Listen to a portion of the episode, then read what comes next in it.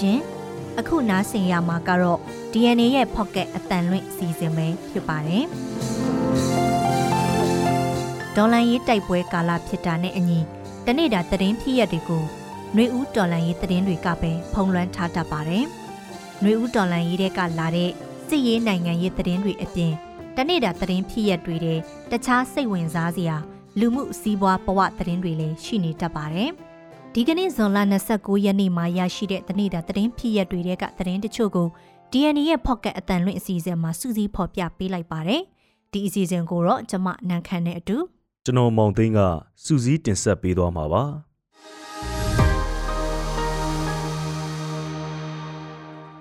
ပထမဦးဆုံးသတင်းတစ်ပုဒ်အနေနဲ့အလုသမားရေးလှုပ်ရှားသူတွေကိုစူပူအောင်လှုံ့ဆော်သူတွေလို့စစ်ကောင်စီဆွဆွဲတဲ့သတင်းကိုပြောပြပေးပါမယ်။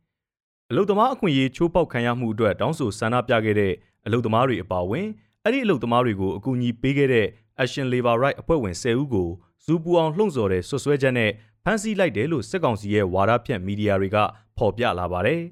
။ဖမ်းဆီးခံထားရသူတွေဟာပြီးခဲ့တဲ့ဇွန်လ14ရက်နေ့ကစက်ယုံတွင်းမှာလောက်ကလာစာတိုးပေးဖို့ဆန္ဒပြခဲ့တဲ့ရွှေပြည်သာမှာရှိတဲ့ဟိုစိတ်မြမာအထည်ချုပ်စက်ယုံကအမျိုးသမီး၄ဦးအမျိုးသား2ဦး လှိုင်သာယာ Sun April မြန်မာအထည်ချုပ်စက်ယုံကအမျိုးသား2ဦးနဲ့အမျိုးသမီး2ဦး Action Labor Right အဖွဲ့ကအမျိုးသမီး2ဦးနဲ့အမျိုးသား2ဦးဖြစ်တယ်လို့ဆိုပါတယ်စစ်ကောင်စီရဲ့ကြေညာချက်ထဲမှာတော့ Action Labor Right အဖွဲ့ဝင်တွေနဲ့ခေါင်းဆောင်တွေဟာအလုသမားတွေကိုစီယုံပြီးစက်ယုံအတွင်းဆန္ဒပြမှုတွေဖြစ်ပေါ်လာအောင်လှုံ့ဆော်ခဲ့တယ်ဆွဆွဲထားပြီးအဖွဲ့ခေါင်းဆောင်နှစ်ဦးဖြစ်တဲ့ကိုတူရိန်အောင်နဲ့မတ်သူဇာတို့ကိုတော့အခုချိန်ထိဖမ်းဆီးရမိခြင်းမရှိသေးဘူးလို့ပါရှိပါတယ်။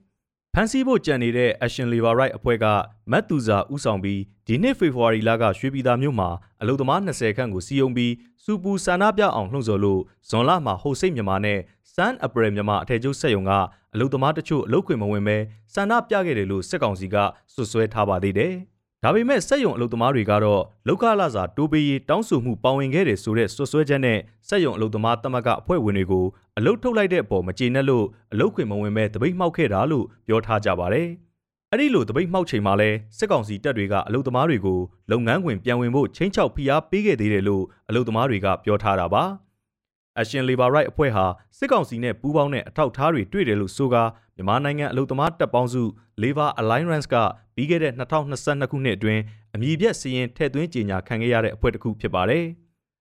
ဒါပေမဲ့အခုလိုဖမ်းဆီးခံထားရတဲ့ Action Labor Right အလုပ်သမားအဖွဲ့ဝင်တွေနဲ့အလုပ်သမားတွေရဲ့နစ်နာမှုတွေကို CTUM အပါအဝင် အခြားအလုပ်သမားအဖွဲ့တွေကနိုင်ငံတကာအလုပ်သမားအဖွဲ့ International Labor Organization ILO ရဲ့အလုပ်သမားအစုအဖွဲ့ကိုတင်ပြထားတယ်လို့သိရပါတယ်။ ILO အနေနဲ့အခုလိုအလုပ်သမားအခွင့်အရေးဆောင်ရွက်သူတွေ အလုသမားတွေအပေါ်အခွင့်အရေးချိုးဖောက်မှုတွေကျူးလွန်နေတဲ့စစ်ကောင်စီရဲ့လုပ်ရက်အပေါ်အရေးယူနိုင်ရေးကိုလည်း CTUM အပါအဝင်အလုသမားအဖွဲ့အစည်းတွေကဆက်လက်ဆောင်ရွက်နေတယ်လို့လည်းသိရပါဗျ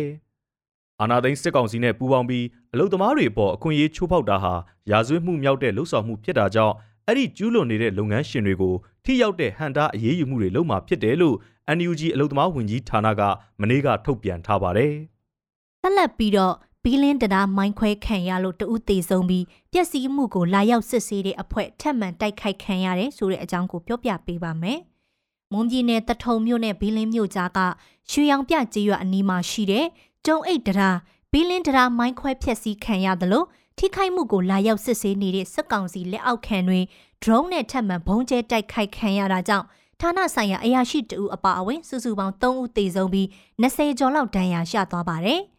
အဲ့ဒီတရားဟာဒီကနေ့မနေ့အစောပိုင်း၄နိုင်ဝန်းကျင်လောက်မှာမိုင်းဆွဲတိုက်ခိုက်ခံရတာဖြစ်ပါတယ်။မိုင်းပေါက်ကွဲမှုကြောင့်တရားကျိုးကျချိန်မှာတရားပေါ်ဖြတ်တန်းနေတဲ့အိမ်စည်းကတချို့ပြုတ်ကျခဲ့ပြီးတော့တဦးသေဆုံးခဲ့ပါတယ်။အဲ့ဒီသေဆုံးသူဟာစက်ကောင်စီလက်အောက်ခံရဲတပ်ဖွဲ့ဝင်လို့ကနဦးသိရပေမဲ့တိကျတော့အတီးပြုတ်နိုင်ခြင်းမရှိသေးပါဘူး။ဒါအပြင်မိုင်းဖောက်ခွဲဖျက်ဆီးခံရတဲ့တရားကိုလာစစ်ဆေးတဲ့စက်ကောင်စီလက်အောက်ခံခရိုင်အဆင့်တာဝန်ရှိသူတွေဟာ drone နဲ့ဘုံကျဲတိုက်ခိုက်ခံရတာကြောင့် ခရိုင်လန်းဦးစီးမှုအပါအဝင်နှစ်ဦးသေဆုံးက20ကျော်ထိခိုက်ဒဏ်ရာတွေရရှိခဲ့တယ်လို့စက်ကောင်စီနဲ့နှီးစပ်တဲ့သူတွေနဲ့ KNU တရင်ရင်းမြစ်တွေစီကသိရပါဗျ။ drone နဲ့ဘုံကျဲတိုက်ခိုက်ခံရမှုကြောင့်လန်းဦးစီးဌာနခရိုင်မှုနဲ့ထွေအုပ်စရေးတဦးသေဆုံးတယ်လို့စက်ကောင်စီရဲ့တထုံခရိုင်ရဲတပ်ဖွဲ့မှုရုံးနဲ့နှီးစပ်သူတဦးက DNA ကိုအတည်ပြုပါတယ်။ဒဏ်ရာရရှိတဲ့သူတွေထဲမှာတော့စက်ကောင်စီလက်အောက်ခံစစ်တာရဲတပ်ဖွဲ့ဝင်ထွေအုပ်မိသက် လမ်းဦးစီးနဲ့တခြားဌာနဆိုင်ရာဝန်ထမ်းတွေအပါအဝင်ရွှေတန်လွင် highway ကုမ္ပဏီဝန်ထမ်းတချို့လည်းပါဝင်ကြတယ်လို့သိရပါဗျ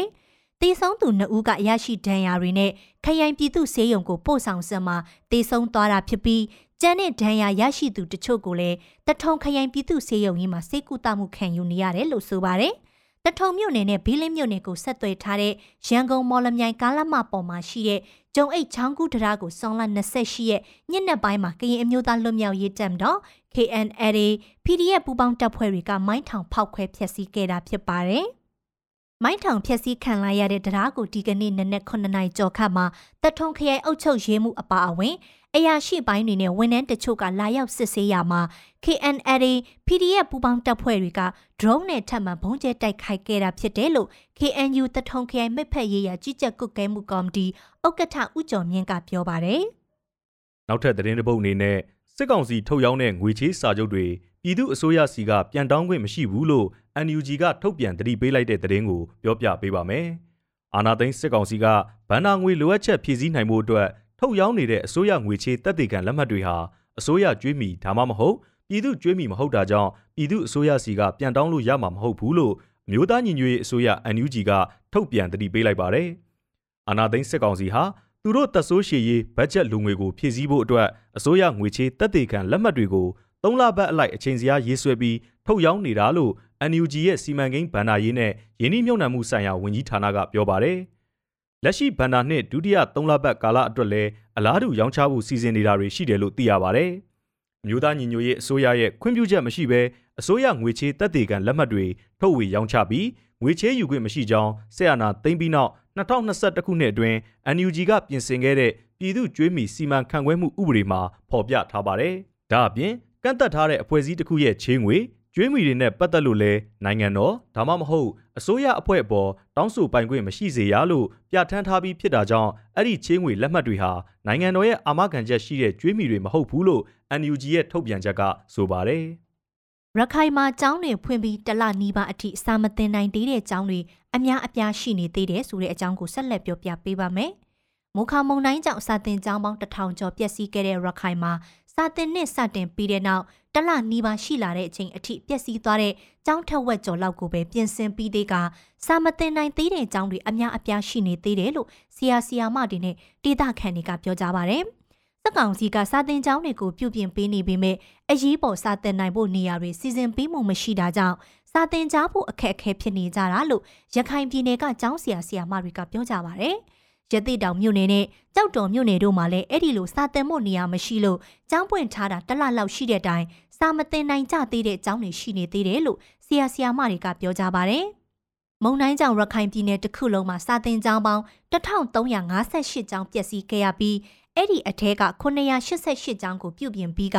660ကျောင်းကိုတော့ပြုပြင်နေဆဲဖြစ်တယ်လို့ပြည်내စက်ကောင်စီပြောခွင့်ရဦးလာတိန်က စော်လ29ရက်မှာသူ့ရဲ့လူမှုကွန်ရက်ကနေတဆင့်အသိပေးထားပါတယ်။လုံးဝမပြုပြင်ရသေးတဲ့အကြောင်း90ရှိနေသေးပြီးအသက်ပြန်ဆောင်မှသာအစဉ်ပြေတော့မဲ့ကျောင်းအဆောက်အဦဟာလည်း180အထိရှိတယ်လို့ဦးလာသိန်းကဆက်လက်ရေးသားထားပါတယ်။ရခိုင်ပြည်နယ်အတွင်းကအခြေခံကျောင်းတွေမှာကျောင်းအပ်သူပေါင်း9သိန်း3လောင်းကျော်ရှိတဲ့အထက်က3000လောက်ကတော့စာသင်ခန်းတွေကိုရောက်မလာခဲ့ကြဘူးလို့ရခိုင်ပြည်နယ်စက်ကောင်စီရဲ့အချက်အလက်တွေအရသိရပါဗျ။ ပြီးခဲ့တဲ့မေလ14ရက်ကတိုက်ခတ်ခဲ့တဲ့မိုခါမုန်တိုင်းကြောင့်ရခိုင်မှာနေအိမ်ပေါင်း3သိန်းနီးပါးအထိပျက်စီးကမုန်တိုင်းတန်တင်လူဦးရေတသန်းခွဲကျော်အထိရှိခဲ့တယ်လို့ရခိုင်တပ်တော် AA ကထုတ်ပြန်ထားပါတယ်။လက်ရှိအချိန်အထိမုန်တိုင်းတင်လူဦးရေရဲ့80ရာခိုင်နှုန်းလောက်ဟာအကူအညီတွေလိုအပ်နေစေဖြစ်တယ်လို့ AA ကဆိုပါတယ်။နောက်ဆုံးသတင်းတစ်ပုဒ်အနေနဲ့ရန်ကုန်မြို့မဟာဗန္ဓုလတရားပေါ်ကခုံချခဲ့ပေမဲ့တေကံမရောက်ခဲ့သူရဲ့အကြောင်းကိုပြောပြပေးပါမယ်။ ရန်ကုန်မြို့ဒေါဘုံမြို့နယ်မှာရှိတဲ့မဟာဗန္ဓုလတရားပေါ်ကနေအမျိုးသမီးတူဦးခုံချတေချောင်းကြံစီမှုဖြစ်စဉ်နဲ့ပတ်သက်ပြီးဒီကနေ့နေ့လယ်ပိုင်းကဖြစ်ခဲ့ပေမဲ့အနီးပတ်ဝန်းကျင်မှာရှိနေသူတွေကကဲတင်နိုင်ခဲ့တယ်လို့မြို့ကန်ပရာဟိတအဖွဲ့တွေစီကသိရပါဗျ။ခုံချတေချောင်းကြံခဲ့တဲ့သူဟာအသက်42နှစ်အရွယ်အမျိုးသမီးတူဦးဖြစ်ပြီးမဟာဗန္ဓုလတရားပေါ်ကနေပဇွန်တောင်ချောင်းနဲ့ခုံချတေချောင်းကြံခဲ့တာလို့ဆိုပါတယ်။အနီးဝန်းကျင်မှာရှိနေသူတွေကကဲတင်ထားခဲ့တာကြောင့်ကယ်ဆယ်ရေးအဖွဲ့တွေကအခင်းဖြစ်တဲ့နေရာကိုရောက်ချိန်မှာ ချောင်းထဲခုန်ချခဲ့တဲ့အမျိုးသမီးဟာကုန်းပေါ်ကိုရောက်နေပြီလို့စေတနာလူမှုကူညီရေးအသင်းတာဝန်ရှိသူတို့ကပြောပါတယ်။ချောင်းထဲခုန်ချခဲ့တဲ့အမျိုးသမီးဟာအရက်သေးစာတောက်စားထားတဲ့အခြေအနေရှိပြီးအမည်နဲ့အသက်ကလွဲလို့နောက်ထပ်ကိုရေးအချက်လက်တွေမသိရှိရသေးဘူးလို့သူကပြောပါတယ်။လက်ရှိမှာတော့အဲ့ဒီအမျိုးသမီးဟာအသက်အန္တရာယ်စိုးရိမ်စရာမရှိတော့ဘူးလို့သိရပါတယ်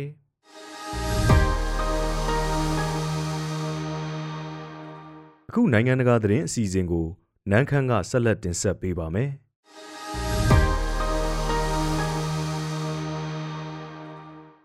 နစ်မြုပ်နေတဲ့တိုင်တန်နဲ့သမောပြက်ကြီးကိုတွားရောက်ကြည့်ရှုရင်ကိုရိုင်းကန်ဆိုးမုံမောင်ကြခဲ့တဲ့တိုင်တန်ရင်ငုတ်သမောရဲ့အပြက်အစီးအစိတ်ပိုင်းတွေကိုကနေဒါကစိတ်ကန်းတစ်ခုမှလွဲပြောင်းနေရချနေတာကိုတွေ့ခဲ့ရပါတယ်။ရီအနက်ပေပေါင်း12000ကျော်ပင်လယ်ကျမ်းပြင်မှာပြန့်ကျဲနေတဲ့အဲ့ဒီအပြက်အစီးတွေကို Horizon Artist ရေရင်က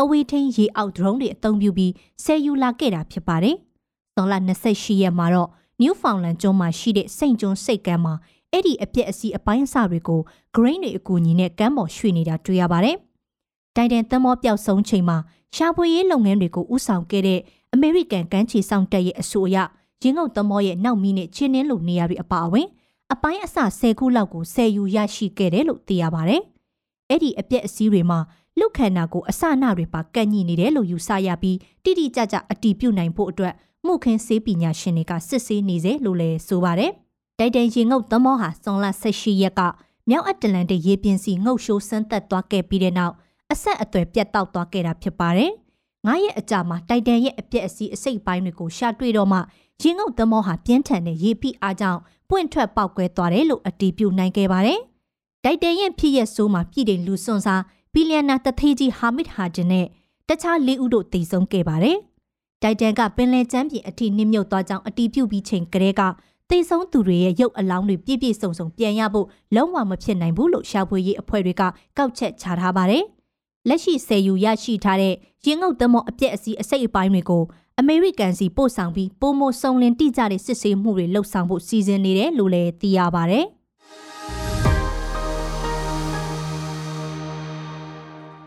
ရဲတပ်ဖွဲ့ရဲ့ပြစ်ခတ်မှုဖြစ်စဉ်တစ်ခုနဲ့ပတ်သက်လို့မကြေမနက်ဆန္ဒပြရာက ပါရီမြို့တော်အပါအဝင်ပြင်သက်ကမြို့ကြီးတချို့မှာမိရှို့ဖျက်ဆီးမှုတွေအတိကယုံဆန်ဆန်အခြေအနေတွေဖြစ်ပေါ်ခဲ့ပါတယ်။အခုသတင်းပတ်အစောပိုင်းတုန်းကပါရီမြို့စွန်တနေရာမှာရဲတွေကစစ်ဆေးနေတဲ့အချိန်ကောင်းမောင်းပြေးတဲ့အသက်16နှစ်အရွယ်လူငယ်တဦးကိုရဲတပ်ဖွဲ့ဝင်တဦးကအနိကတနတ်နဲ့ပြစ်ခတ်ခဲ့ပြီးလူငယ်ဟာသေဆုံးသွားခဲ့ပါတယ်။ဒီသတင်းဟာတနိုင်ငံလုံးကိုလင်းလင်းမြန်းမြန်းပြန့်နှံ့သွားပြီးတဲ့နောက် ရဲတွေရဲ့လွန်ကဲတဲ့တုံ့ပြန်ကင်တွေပုံကိုတင်းတင်းမာမာဆန့်ကျင်ဆန္ဒပြတာတွေဖြစ်ပေါ်လာတာပါ။နညဆက်တိုက်ဖြစ်ပွားတဲ့ဆန္ဒပြစုပူမှုတွေအတွင်းပါရီ၊ရန်နက်စ်၊ဒူလော့စ်၊လိုင်လီစတဲ့မြို့တွေမှာကားတွေလမ်းအတားဆီးတွေနဲ့တခြားပစ္စည်းတွေတော်တော်များများမိရှို့ဖျက်ဆီးခံခဲ့ရပါတယ်။တချို့နေရာတွေမှာမီးလာငိမ့်တဲ့မိသက်ကားတွေကိုပါဆန္ဒပြသူတွေကရန်ပြုတ်တိုက်ခိုက်တာမျိုးတွေဖြစ်ပေါ်ခဲ့ပါတယ်။ ဘာရီတဝိုက်မှာတော့လုံခြုံရေးတပ်ဖွဲ့ဝင်အင်အား2000ကျော်လောက်ကိုလမ်းတွေပေါ်ဖြန့်ကျက်ထားရပါတယ်။စေကျော်သက်လူငယ်ကိုပြစ်တက်ခဲ့တဲ့ရဲအရာရှိဟာလောလောဆယ်ဖမ်းဆီးထိန်းသိမ်းခံထားရပါတယ်။ရဲအရာရှိကလူငယ်ရဲ့အပြုအမူဟာသူ့အသက်ကိုချင်းချောက်မဲ့ပုံစံမျိုးဖြစ်နေတာကြောင့်အခုလိုတုံ့ပြန်ခဲ့တာလို့ပြောပါတယ်။ပြင်သစ်သမ္မတအီမန်နူရယ်မာခရွန်ကရဲတပ်ဖွဲ့ပစ်ခတ်မှုကြောင့်လူငယ်တဦးတေဆုံးရတဲ့ဆိုတဲ့ကိစ္စဟာမဖြစ်သင့်ဘူးလို့ဝေဖန်ပြောဆိုထားပါတယ်။တေဆုံးသူရဲ့နာမည်ကိုပြည်တွင်းမီဒီယာတွေက နာဟဲအမ်လို့ဖော်ပြထားပြီးဘာရီအနောက်ပိုင်းစင်ကြေပုံးကနန်တာရာအရက်မှာနေထိုင်သူတဦးလို့ဆိုပါတယ်။သူမောင်းလာတဲ့ကားကိုရင်စည်းကမ်းချိုးဖောက်မှုကြောင့်ရဲနှစ်ဦးကဇွန်လ29ရက်မနက်ပိုင်းမှာတားဆီးစစ်ဆေးခဲ့ပါတယ်။နောက်တော့လူငယ်ကသူ့ကိုကားနဲ့ဝင်တိုက်ဖို့ကြိုးစားတာကြောင့်မလွဲမရှောင်သာပြစ်ခတ်ခဲ့ရကြောင်းရဲတအူးကထွက်ဆိုပေမဲ့ဗီဒီယိုမှတ်တမ်းတွေအရအဝါရောင်မာစီတီကာဟာအဲ့ဒီနေရာကမောင်းပြေးဖို့သာစူးစမ်းခဲ့ကြောင်းတွေ့ရှိလာရပါတယ်။ဒီကိစ္စနောက်ပိုင်း ပြင်သစ်နိုင်ငံမှာရင်သိမ်းရဲတပ်ဖွဲ့ဝင်တွေရဲ့လုပ်ပိုင်ခွင့်နဲ့လှုပ်ထုံးလှုပ်နီးဆိုင်ရာစံနှုန်းတွေနဲ့ပတ်သက်လို့အငင်းအခုံတွေလည်းတကြော့ပြန်အကောင်းလာပါတယ်။2022ခုနှစ်တစ်နှစ်ထဲမှာတင်ပြင်သစ်နိုင်ငံအနှံ့မှာရင်ထိန်ရဲတွေတားဆီးတာကိုကားရက်မပေးမိလို့ပြစ်တက်ခံရသူ73ဦးအထိရှိခဲ့ကြောင်းသိရပါတယ်။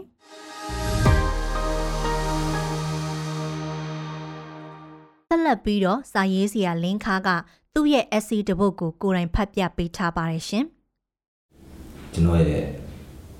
လူအုပ်ထဲကအထီးကျန်မှုအစေးစာအုပ်ထဲကပြီးပြည့်စုံမှုကိုညှင်းဆိုရခြင်းဆိုတဲ့အစေးတစ်ပုဒ်ကိုဖတ်ပြခြင်းပါလေမြို့ကဘုံကွဲပြီးကာစားလူတွေကထိတ်လန့်မှုနဲ့တွာလာနေကြသည်ကျွန်တော်တဲသည့်အိမ်မှာနာမည်ကျော်ဆိုင်းဆရာတယောက်၏အိမ်ဖြစ်ပြီးပြင်တော်နှစ်ထပ်အိမ်ကလေးဖြစ်သည် အောက်ထပ်တွင်မိသည့်အခန်းဖွဲ့စည်းပုံများမရှိဘုံကျက်ရန်နွားတီများကိုထုတ်တန်းမှတွဲလောင်းချိတ်ထားသည်နွားတီများမှလက်လက်ဆက်ဆက်ဖြစ်နေသေး၍နွားများကိုမြင်ရတဲ့ကဲ့သို့ဖြစ်နေ၏အိမ်အောက်ထပ်ထိုနွားတီတွဲလောင်းကြားမှဖြတ်၍အိမ်နောက်လေကားသို့သွားကအပေါ်ထပ်သို့တက်ရသည်အပေါ်ရက်ရှိအခန်းချင်းလေးတစ်ခန်းထဲတွင်ကျွန်တော်အိမ်ရန်နေရာပေးထားသည်ဆိုင်းဆီယာမှာကျွန်တော်နဲ့ခင်မင်ရင်းနေသူမဟုတ်ပါ ကျွန်တော်ဤအတိတယောက်ကလက်တလောကျွန်တော်နေထိုင်ရန်အခက်အခဲဖြစ်နေသည်ကိုသိ၍သူဤမိတ်ဆွေဆိုင်းဆီယာနှင့်မိတ်ဆက်ပေးအကူအညီတောင်းပေး၍နေထိုင်ခွင့်ရနေခြင်းဖြစ်သည်သို့တော့တလားခန့်ကနေထိုင်ခွင့်ပေးနိုင်ပြီဟုဆက်ရောက်သည့်နေ့ကလေးကဆိုင်းဆီယာကကျွန်တော်အားပြောထားပြီးဖြစ်ပါသည်ကျွန်တော်ကကျေးဇူးတင်ပါသည်ဟုပြောသည့်အခါဆိုင်းဆီယာမှာမိတို့မှမခံယူတကယ်သို့နေ၍အပေါ်တက်အခန်းလေးမှာခမရအိတ်ဖို့အဲ့ဒီမှာခေါင်းတစ်လုံးတော့ရှိတယ်ဟု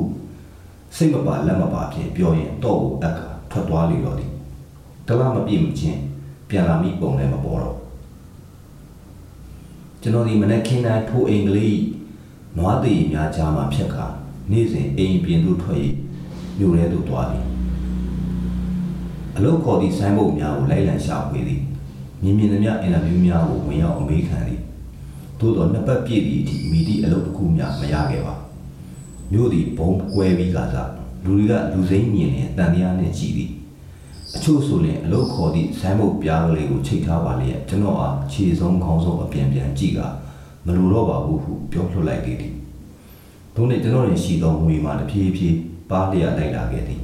။နေ့လယ်ဘက်များတွင်မြို့ရဲနှံ့ခြေတိုဖနှက်ပါချွေးတလုံးလုံးဖြစ်သည့်တိုင်အောင်လမ်းလျှောက်စိတ်ပြက်အာရော့ပင်ပန်းနေရတော့လေမနှက်စာထမင်းစားရင်မဖြစ်တော့ ညနေမိုးချုပ်ဆိုင်းဆရာ၏နွားသေးနှမ်းသည့်အိမ်ရှိသည့်ရက်ွက်တွင်ရောက်မှသာဈေးပေါ်လုံးဆိုင်ကလေးဆိုင်တွင်ဘဲဥချင်းရဟင်းကလေးနှင့်အဝကြိတ်လိုက်သည်ထို့နောက်စေဝလေးဝယ်အပေါ်တက်အခန်းလေးရှိရာသို့ပြန်သည်တနေ့ကင်းလုံးလျှောက်ထားလာခဲ့သည့်အလုံများနှင့်ထိုအလုပ်ပန်ရှင်များစီမံအုပ်ချုပ်သူများ၏ဆက်ဆံရေးအပြုအမူတို့အကြောင်းကိုစေဘောလေးဖွာကမြင်အောင်စဉ်းစားနေပြီးတော့သည်လဲအိပ်မစဉ်းစားနိုင်ပါ ခေါင်းကတိတ်ညံလွန်လာပြီးအိပ်ပျော်ခြင်းတို့မရောက်မီ၄၅မိနစ်အတွင်းကရောက်လို့မှသာကျွန်တော်ခေါင်းကိုထိုခေါင်းလေးပေါ်သို့ပြစ်တင်လိုက်ရပြီမဟုတ်လေနောက်တနေ့မနက်လုံးကျွန်တော်လေခုပ်ကြီးနာကျင်နေရမည်မဟုတ်လားထိုခေါင်းလေးကိုမိသူတွေမိမြအုံးခဲ့သည်မသိနိုင်တော့ခေါင်းဆိုမရှိတော့တော့အပြာကွက်စိတ်အစင်ခေါင်းလေးမှာမဲညစ်လို့နေသည်အပြာကွက်စိတ်ကိုကျွန်တော်သိနိုင်နေသေးသည်ကိုကကျွန်တော်ဤစီစစ်လေးလာတတ်သောအကျင့်ကြောင့်ဖြစ်လိမ့်မည် ထိုခေါင်းလေးပေါ်တွင်ခေါင်းအပ်နေ၍လူတစ်ယောက်သို့မဟုတ်ထိုထက်ပိုသောလူများစိတ်ကူးရင်ခဲ့လိမ့်မည်တွေးတောနေခဲ့လိမ့်မည်မိတို့သောအတွေးမျိုးဖြစ်လိမ့်မည်နီမိတို့သောအတွေးမျိုးပင်ဖြစ်ခဲ့သည်ဖြစ်စေနောက်ဆုံးတွင်အိပ်ပျော်ခြင်းသို့ရောက်ရှိသွားမည်နှကန်းတောင်းမှတည်ရည်များမြစ်ဖျားရည်ကဲ့သို့ရှော့ကျစီးဆင်းလာခဲ့လိမ့်မည်ဂရင်းနန်ဆူများကိုပါတည်ဆောင်လာခဲ့သည့်တည်ရည်များကိုခေါင်းအောင်တွင်ရှိလဲမှုစာများကဆုပ်ယူသိမ်းစီထားခဲ့လိမ့်မည် ထို့သို့ဤသို့လာပေါင်းများစွာကြာမြင့်လာခဲ့သည့်အခါကျွန်တော်အုံဆက်ရမည်တကူရီသောဤခေါင်းလေးကရက်ဆက်ဟောင်ပြင်းလာသောရနံများနှင့်ခြေထက်ထက်မဲညစ်နေသောခေါင်းကလေးတစ်လုံးဖြစ်လာခဲ့ရတော့သည်ထိုခေါင်းအောင်ကိုအုံခဲ့သူတွေတွင်နိုင်ငံမဲကျော်ဆိုင်းစီရတော့ပါလိမ့်မည်မထင်ပါသို့တော့ထိုခေါင်းကလေးနန်ဟောင်မဲညစ်ပေပွားမသွားခင်ပထမဆုံးအိတ်ဆက်ခဲ့သူမှာဆိုင်းစီရဖြစ်ခြင်းလည်းဖြစ်နိုင်ပါလိမ့်မည် ထိုဆိုင်းစီရ၏အတွင်းဇလံအချို့ကိုကျွန်တော်၏မိတ်ဆွေကပြောပြခဲ့မှုသည်အဆိုတော်မာလေးတယောက်နှင့်ညီဆွမ်းခဲ့သည့်ရုပ်ရှင်တကားပင်ဖြစ်ဖို့ကောင်းလေသေးသည့်အချစ်ဇလံကလေးထိုဇလံကလေး၏ဇဝဝင်ကတနေရာသည်ဤခေါင်းကလေးပေါ်တွင်များဖြစ်ခဲ့သည်လားကျွန်တော်ကိုတနေ့ကုန်အလုရှာအပြန်ပင်မခဲ့ရသည်များကိုအခန်းကလေးအတွင်းတခုဒီသောပစ္စည်းဖြစ်နေသည့်ခေါင်းကလေးနှင့်ပတ်သက်သည့်ဇလံများကိုစဉ်းစားနေရယုံသာတက်နိုင်ပါသည်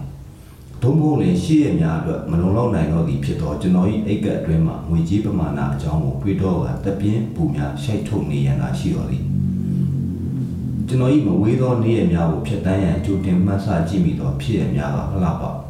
အနာဂတ်ဟုပင်ခေါ်ဆိုရန်မထိုက်သောလာမိနေများရဲ့တရပတ်များအတွင်းကျွန်တော်အလုပ်တစ်ခုခုရပါမှာဖြစ်ပါလိမ့်မည်ဆိုင်းစီကနေဝင်ပြူပြီးတလားပြည့်ရန်တပတ်ခန့်သာလိုလိုသည့်အချိန်ထိကျွန်တော်အချိန်နေမှာမဟန်သေး ဆိုးရွားနေတဲ့တို့နဲ့ကြံဤတစ်ပတ်တွင်နေ့စဉ်မျိုးရဲထွက်နိုင်ရန်နေ့စဉ်ညနေသာစားနိုင်ရန်နဲ့နောက်ဆုံးထိုးတစ်ပတ်အတွင်းမိတို့မြအလုပ်တစ်ခုခုရှာမရတော့လင်ကျွန်တော်နေသည့်မူလမျိုးလေးတို့ပြန်နိုင်ရန်အတွက်ယထာလက်မခတို့ကိုပါထည့်တွက်၍အတိုင်းတိုင်းအချင်းချင်းလုပ်ရတော့၏မနက်ခင်းမျိုးတဲ့အလုပ်ရှာထွက်လင်ထိုတရက်အတွက်ကုန်ကြမိငွေကိုသာအိတ်ကက်တွင်ထည့်၍ကျန်သည့်ငွေများကိုခီးဆောင်ရှုံကျိုးပါကြောပွေကလေးအတွင်းသို့ထားခဲ့လိုက်ရတော့သည် အဲ့ဒီစာပိုက်တွေကလွန်ခဲ့တဲ့10နှစ်ကျော်ကျော်လောက်တုန်းကကျွန်တော် diary စာအုပ်တုပ်ထဲမှာကျွန်တော်ကိုယ်တိုင်ဝတ္ထုလိုလိုအစည်းလိုလိုဒါမှမဟုတ်အဲ့ဒီတုန်းကနေ့ရက်များအတွက်နေ့စဉ်မှတ်တမ်းလိုလိုရေးခဲ့တာတွေစာအုပ်အဟောင်းတွေဟိုလန်ဒီလန်ရှောက်လို့ရင်ကြွကြွအိနဲ့တေချာထုတ်ထားတဲ့ကျွန်တော် diary စာအုပ်အဟောင်းတွေခုနှစ်အုပ်ရှစ်အုပ်ပဲဖုန်တော်တော်နဲ့ပြန်တွေ့တော့တုံချင်းလန်ငါဘာတွေများရေးထားခဲ့ပါလဲလို့ကို့အတွင်းရေးကိုပြန်ဆက်စုလုပ်ရင်အဲ့ဒီစာပိုက်တွေကိုပြန်တွေ့မိတာလွမ်းစရာလေးတော့ဖြစ်လို့နေတယ်။ အော်အဲ့ဒီတော့ကငါတော်တော်ငက်ပြက်ခဲ့တာပါလားလို့ပြန်မှတ်ရသွားတယ်။ diary ထဲမှာရေးထားတဲ့ပုံစံကအစဆန်ဆန်ရေးထားတာဆိုတော့ကျွန်တော်မဟုတ်ပဲအခြားလူတစ်ယောက်ကသာဖတ်မိမယ်ဆိုရင်အဲ့ဒီတော့ကအဖြစ်ပြက်ခံစားချက်တွေကိုလုံးစိပတ်စိမသိနိုင်ဘူး။ပေါ်ရန်ရှက်ပြေးကလေးလောက်ပဲနားလည်နိုင်မယ်။ဒီတော့အဲ့ဒီတော့ကကျွန်တော်မှနေ့စဉ်မြို့တွေကပြန်လာအပေါ်တွေကအခန်းလေးတွေရောက်တိုင်းကိုဝါကိုပြန်တွေးငိုနေခဲ့တာပဲ။ ကျွန်တော်မှတ်မိတယ်အဲ့ဒီမှာနေခဲ့တဲ့ရက်30လောက်အတွင်းမှာမိုးကြီးတဲတဲမဲမဲရွာတဲ့တရက်ကဆိုမိုးတန်လေးတန်ကအရန်ပြင်းတော့ငါအောင်ငိုလို့လည်းဘယ်သူမှကြားမှာမဟုတ်ပါဘူးလေလို့တွေးပြီးတော်တော်ကြဲကြဲလောက်အောင်ငိုနေခဲ့သေးတယ်။ဘာတွေကိုတိုင်တဲ့အော်ဟစ်ခဲ့တယ်လဲတော့မမမိတော့ပါဘူး။ခုပြန်တွေးကြည့်တော့ကိုယ့်ဟာကိုယ်တော်ရှက်ပြီးပြုံးမိတယ်။ဒါပေမဲ့လည်းအဲ့ဒီတော့ကကျွန်တော်လည်းတော်တော်ငယ်သေးတာဟုတ်။လူကလည်းဘာမှရှင်းချက်သေးတဲ့ရွယ်မဟုတ်ဘူး။ လူတယောက်ကသူ့ဘာသာသူကိုယ့်ဘက်လက်တွေးထွေးသွားရင်တော့ငါ့ကိုတက်တက်မဲ့နှိမ်သွားတာပဲလို့တွေးစိတ်မကောင်းဖြစ်နေခဲ့တာ။တွေးထွေးသွားတဲ့တယောက်ကတော့သူ့ကြောင်းနဲ့သူ့မှုသူ့အပြုမှုကြောင့်ချက်တိတ်ကလေးတယောက်စိတ်အားငယ်သွားလေတယ်လို့တော့တွေးမိမှာမဟုတ်ဘူး။ကျွန်တော်အဲ့ဒီမျိုးမှာအလုပ်လည်းမရခဲ့ပါဘူး။ငွေကုန်ချီတူမျက်ရည်ခံအာဟာရပြက်နဲ့တလပြည့်တော့တလလုံးလုံးမမြင်ရတဲ့ဆိုင်းစရာအချင်းထားသလိုအတိအကျကြီးရောက်လာပြီကျွန်တော်နှင်တော့တာပဲကျွန်တော်လည်းမတက်နိုင်စုံကြိုးပါတဲ့ ဂျင်းကြောဝဲကလေးလွယ်ပြီးဘူရာစီထွက်ခဲ့ရတယ်အောင်မြင်စွာတော့စုခွာနိုင်ခဲ့တယ်ပေါ့မှတ်မိသေးတယ်အဲ့ဒီအိမ်ကနေပြန်မလာရခင်တရက်ကကျွန်တော်မျိုးတွေကကားကြီးတစ်ခုမှာည7:00နာရီလောက်အထိတယောက်တည်းစိတ်သက်ကြကြနဲ့ထိုင်နေခဲ့တာကျွန်တော်နေတဲ့မြို့နယ်ရက်ွက်စီပြန်မဲ့လိုင်းကားတွေတော့မရှိတော့ဘူးမျက်စိရှိမှမြင်ရတဲ့ခရစ်ယာန်ဘုရားရှိခိုးကြောင်ကြီးရဲ့ထိတ်ကခြုံခြုံကြီးကိုငေးကြည့်နေအချိန်ကုန်သွားတာပဲ စိတ်ကလည်းထွေးရလေးပါပဲဘာတွေတွေးနေမိမှန်းတော့မသိဘူးစိတ်တက်ကတွင်းဆုံးမကကြာပြီးရင်ကြာနေတော့ခေါင်းထဲမှာတွေးတယ်လို့စဉ်းစားတယ်လို့စဉ်းကျင်တယ်လို့စသဖြင့်တော့မရှိတော့ဘူးထင်တယ်၁၇နိုင်လောက်မှအတိရုတ်တရက်ပြောင်းလာတော့လန့်အောင်သွားတယ်ဟာမိုးကြီးတော်တော်ချုပ်ပြီပေါ့ကားတွေလည်းရှင်းလူလူဖြစ်နေပြီငါဒီမှာအတိတ်ပင်မဲ့ဘာထိုင်လုံးနေပါလေလို့ကိုကိုကိုအပြစ်တင်လိုက်မိတယ်ဘေဘီကြည့်လိုက်တော့ကွန်းရဆိုင်ကလေးတစ်ဆိုင်ရှိလို့ဘ ယ်နိုင်ရှိပြီလဲခင်ဗျာလို့မေးဖို့အနာသွားရတော့ကွန်းရဆိုင်ကဆရာသမားဟာကလထိုင်ရဲ့နောက်မိတန်းမှာခေါင်းအောင်ခက်သေးသေးတစ်လုံးတင်လို့ငုတ်တုတ်ကြီးအိတ်နေတယ်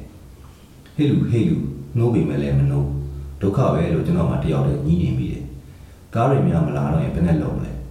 ပန်းညံလေးကမြက်ခင်းပေါ်တင်အေးရတော့မယ်ထင်တယ်လို့တော့ကပွားနေမိတယ်သို့တော်လည်းတော့ကပွားနေုံနဲ့တင်ဖုတ်သွင်းရထားလာမှာမဟုတ်တော့ကွန်းရတဲ့အ ကိုကြီးကိုပဲနှိုးပြီးကားတွေလာလေအောင်မယ်လားဂျာကားပဲဖြစ်ဖြစ်ပေါ့မေးရမယ်လို့တွေးပြီးထိုင်ကုန်ပေါ်နေငုတ်တုံနဲ့အိမ်မက်ကဘာရောက်ရှိနေတဲ့သူ့အကိုကိုလှုပ်ပြီးမယ်လေဒင်းကဟောက်တန်တစ်ချက်ချက်ပေးတာကလွယ်အသေးကောင်အတိုင်းပဲမလျှော်လုံးလားနဲ့ပခုံးလေးတို့ကြည့်လက်ကလေးတို့ကြည့်နှိုးနေရင်ကကွန်းရကောင်အံသွဲပွင့်နေတာကိုတတိထားမိသွားတယ်အံသွဲတဲ့မျက်စိဆွေလို့လှမ်းကြည့်လိုက်တော့ပတ်စံကအများကြီးမဟုတ်ပြီမဲ့တရားရန်လေးနှစ်ရွက်သုံးရွက် 50ရန်20ရန်30ရန်အကျွေးကလေးတွေက50ရွက်နဲ့ကျွန်တော်ထင်ငွေ400လောက်တော့ရှိမှထင်တယ်အဲ့ဒီတော့ကကျွန်တော်တဲတဲ့မြို့နယ်ကရက်ွက်အထိပြန်မှကားက20တဲ့ကြာတာငွေ900ဆိုတာနည်းတဲ့ပတ်စံတော့မဟုတ်ဘူးမမဆက်ဆက်အိမ်မောကြနေတဲ့ကွန်းရတဲ့အကိုကြီးကိုငေးကြည့်လိုက်အန်သွဲတွေကချင်းသွေးတွေကိုငေးကြည့်လိုက်ကျွန်တော်ဝန်ခံပါတယ်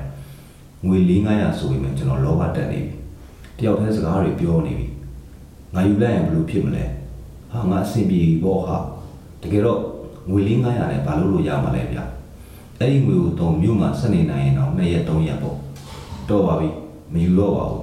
သူခမပင်ပင်ပန်းပန်းဈေးရောက်ထားရတာဒီလောက်အိတ်ပုတ်ကြီးပေါ့စားတဲ့လူနည်းနည်းတော့ပညာပေးတန်ခတ်လိုက်မှမှတ်သွားမယ်အမေကိုကိုကိုဗာများထင်နေတယ်မသိဒဏ်အောင်ခက်ချင်နေသေးဖြစ်ချင်တော့မျိုးလေကောင်ကြီးအနီးနားပတ်ဝန်းကျင်မှာလူအရေးအယောင်မရှိတလောကလုံးကျွန်တော်ရဲ့အိတ်နေသူရဲ့နှစ်ယောက်တည်းလိုပဲ ဒါပေမဲ့ဗျအဲ့လိုကိုယ်စိတ်နဲ့ကိုယူမယ်မယူတိုက်ပွဲဝင်နေရတဲ့အချိန်ပထမဆုံးတတိယမိတာကတော့ဆရာကျော်အောင်ရဲ့ငါးချက်တန်တရွက်ဆိုတဲ့ဝတ္ထုတိုးလေးတစ်ပုဒ်ဗျဆောင်းရည်ကြီးနှင်းတစ်ဖွဲဖွဲအောင်လမ်းပေါ်အိတ်နေတဲ့တရောင်းသားကလေးမလေးတယောက်လက်ထဲကငါးချက်တန်ကိုယူပြီးဖဲသွားရတဲ့ဖဲသမားတယောက်ကြောင့်ဝတ္ထုကလေးဖဲဝိုင်းကနေဖဲရှုံးပြီးပြန်လာတဲ့လူဟာအိမ်ပြန်လမ်းမှာငါးချက်တန်လေးတရွက်ကိုချစ်ချစ်ပေါအောင်ဆုပ်ထားရင်ပလက်ဖောင်းပေါ်အိပ်ပျော်နေတဲ့ကလေးမလေးကိုတွေ့ အဲ့ဒီငါးချက်ကိုသာယူပြီးဖဲဝိုင်းပြန်သွားဖဲရိုက်လိုက်ရင်တူနိုင်မယ်ဆိုတာတတ်အပ်တည်တယ်။ဘာဖြစ်လို့လဲဆိုတော့သူအခုဖဲရှုံးပြန်လာခဲ့ရတာကဖဲလင်ရိုက်ခံလိုက်ရလို့ပဲ။တန်ဆိုးရင်တော့သူကလည်းသူ့ပစံကုံကားမှာသူ့ကိုဖဲလင်ရိုက်နေမှတီးသွားတယ်။သူကရိုးရိုးသားသားရိုက်နေခဲ့တာတကယ်တော့သူကိုယ်တိုင်ကဖဲကိုကောင်းကောင်းလင်ရင်တက်တယ်။ဒါနဲ့ပဲသူကလည်းပြန်ဖဲလင်ရိုက်ဖို့ကလေးမလေးလက်ထဲကငါးချက်တန်ကိုဆွဲယူဖဲဝိုင်းပြန်သူထင်ထားတဲ့အတိုင်းပဲငွေ2000လောက်ပတ်ပတ်ဆက်ဆက်နိုင်ခဲ့တယ်။ ကလေးမလေးကိုငွေ100လောက်ရင်းနှီးထုတ်ပေးမယ်။ကလေးမလေးတောင်းစားစီရတော့ဒီလိုအပျော်တွေနဲ့ရည်စူးပြီးပြန်လာပြီမဲ့သူရောက်တော့ကလေးမလေးဟာလမ်းပေါ်ပက်လက်ကလေးကိုကအေးဆက်တောင်းတင်လို့တေးမြင့်ရှာပြီစိတ်ကူးနဲ့ရရအဲ့ဒီဝတ္ထုတူကလေးခေါင်းထဲဝင်လာပြီးနှစ်နှစ်ချက်ချက်အိပ်ပျော်နေတဲ့ကွန်းရတဲ့အကိုကြီးကိုတနာစိတ်ဝင်လို့အန်ဆွဲတဲ့ပစံတွေကိုလှှလှရှူလိုက်ပါတယ်ဒါပေမဲ့ကျွန်တော်တမာရီနဲ့တိတ်ခါကိုချင်းချောက်စိန်ခေါ်နိုင်လုံးလာတဲ့ဆက်တော်ခေါ်လို့သူအရှင်သားပေါ်မှာသူ့ကိုတော့ ရောက်အောင်တွန်းထုံလို့ပြီးဒီချိန်ကားတွေလာတတ်သေးလားဗျခမည်းဆိုင်နဲ့တခိုးခိုးသွားပါအောင်ပဲဗျခမည်းကလည်းအဲ့အိတ်ကျန်းစသဖြင့်ငုံငုံငန်းငန်းလေးမီးမြန်းပြောဆိုခဲ့ပါသေးတယ်အဲ့ဒီတော့ဟိုင်းလက်ဂျာကားလေးတစ်စီးရောက်လာပုံမှန်နှုံးထက်နှစ်ဆပေးခဲ့ရပြီးတုံကျက်ဖို့နွားသေးရည်တွေအချောက်လန်းထားတဲ့အဆိုင်ဆရာရဲ့အိမ်ကြီးချောချောမောမောပြန်လာနိုင်ခဲ့တယ်အမှန်တမ်းဝခံရရင်တော့ဟိုလူကိုမနိုးခင်ကိုရတဲ့အန်ဆွဲတဲ့ကနေ20တန်လေးတရွေ့ကျွန်တော်နိုင်ခဲ့ရဗျမ နိုင်လို့ကလည်းမရဘူးညဘက်ဂျားကားတွေလောင်းမယ်ဆိုရင်တော့ကားကနှစ်ဆပေးရမယ်ဆိုတာကျွန်တော်သိတယ်ကျွန်တော်အိတ်ကက်ထဲမှာ20တဲ့ကျန်တော့တာလေခွတ်လို့ပါကွမ်းတဲ့အကိုကြီး20တန်လေးတရွေ့ထဲပါဗျလင်ခါ